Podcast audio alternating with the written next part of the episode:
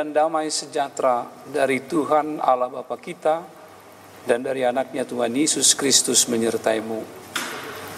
Amin. Bapak, Ibu, dan saudara-saudari yang dikasih oleh Tuhan kita Yesus Kristus, hari ini kita memasuki Paskah yang kedua. Firman Tuhan yang menyapa kita tertulis pada kitab 1 Korintus pasal 15 ayat 20 hingga ayat yang ke-28. Tetapi yang benar ialah bahwa Kristus telah dibangkitkan dari antara orang mati sebagai yang sulung dari orang-orang yang telah meninggal.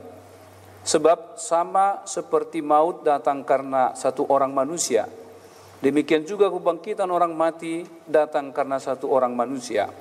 Karena sama seperti semua orang mati dalam persekutuan dengan Adam, demikian pula semua orang akan dihidupkan kembali dalam persekutuan dengan Kristus.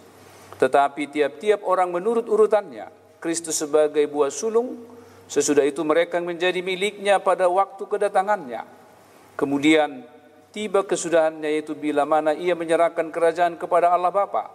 Sesudah ia membinasakan segala pemerintahan, kekuasaan dan kekuatan. Karena ia harus memegang pemerintahan sebagai raja sampai Allah meletakkan semua musuhnya di bawah kakinya. Musuh yang terakhir yang dibinasakan ialah maut. Sebab segala sesuatu telah ditaklukkannya di bawah kakinya.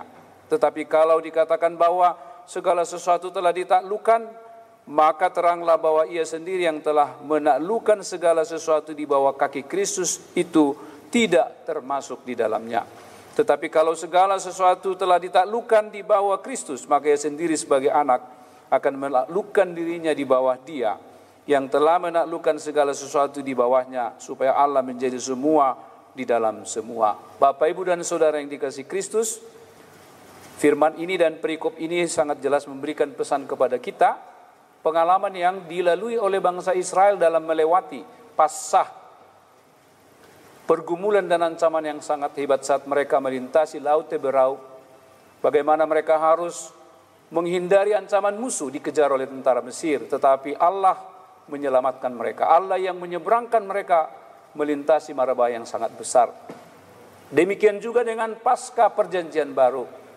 Bahwa Yesus telah menyelamatkan kita, menyeberangkan kita, meluputkan kita dari kuasa maut, kematian, dan kuasa hukuman. Karena itu marilah kita bersyukur di pasca yang kedua ini. Karena kebangkitan Yesus membawa kebaruan bagi kita. Kita diundang supaya tidak ragu, supaya kita tidak sanksi sebagaimana jemaat di Korintus yang meragukan kebangkitan Kristus Rasul-rasul mengatakan bahwa sia-sialah iman mereka, sia-sialah kepercayaan dan kesaksian mereka apabila kebangkitan Kristus itu menjadi polemik yang berkembang di tengah-tengah jemaat. Karena itu kita yang telah ditebus Yesus melalui kuasa kebangkitan itu memberikan kepada kita kemenangan semangat, memberikan kepada kita optimisme untuk melewati saat-saat yang berat pada saat ini, pada saat pandemi COVID-19 masih menjadi persoalan yang begitu berat bagi bangsa kita. Kiranya kuasa kebangkitan membawa kita kepada kebaruan semangat dan membawa kita tetap optimis bahwa Yesus yang telah mengalahkan kuasa maut, Yesus juga akan membawa kita lepas dari kuasa ketakutan dan kuasa bahaya pandemi COVID 2019. Kiranya Tuhan Yesus menyertai kita dan meneguhkan iman percaya kita melalui hari-hari kita di masa mendatang. Kristus yang bangkit, dia sungguh bangkit. Amin. Mari kita berdoa. Terima kasih Tuhan untuk Paskah kedua ini. Meskipun secara fisik kami tidak dapat melakukan ibadah sebagaimana yang kami lakukan di tahun-tahun lalu, tetapi itu tidak mengurangi iman percaya kami, tidak mengurangi rasa syukur kami akan peristiwa yang luar biasa di mana Tuhan telah membebaskan hidup kami. Biarlah Tuhan yang menyertai kami melalui hari-hari sepanjang minggu ini. Kuat kuasa kebangkitanlah yang memberi kepada kami optimisme dan semangat baru untuk menjalani kehidupan kami. Terima kasih Tuhan, dalam Kristus Yesus kami berdoa dan bersyukur. Amin. Anugerah Tuhan kita Yesus Kristus, kasih setia Allah Bapa dan persekutuan dengan Roh Kudus menyertai Bapak Ibu dan Saudara sekalian. Amin.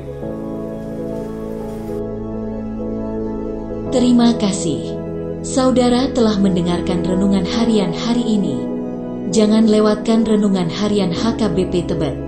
Tentunya hanya di Rumah Talk Tebet Podcast. Salam berisi dan salam berdampak.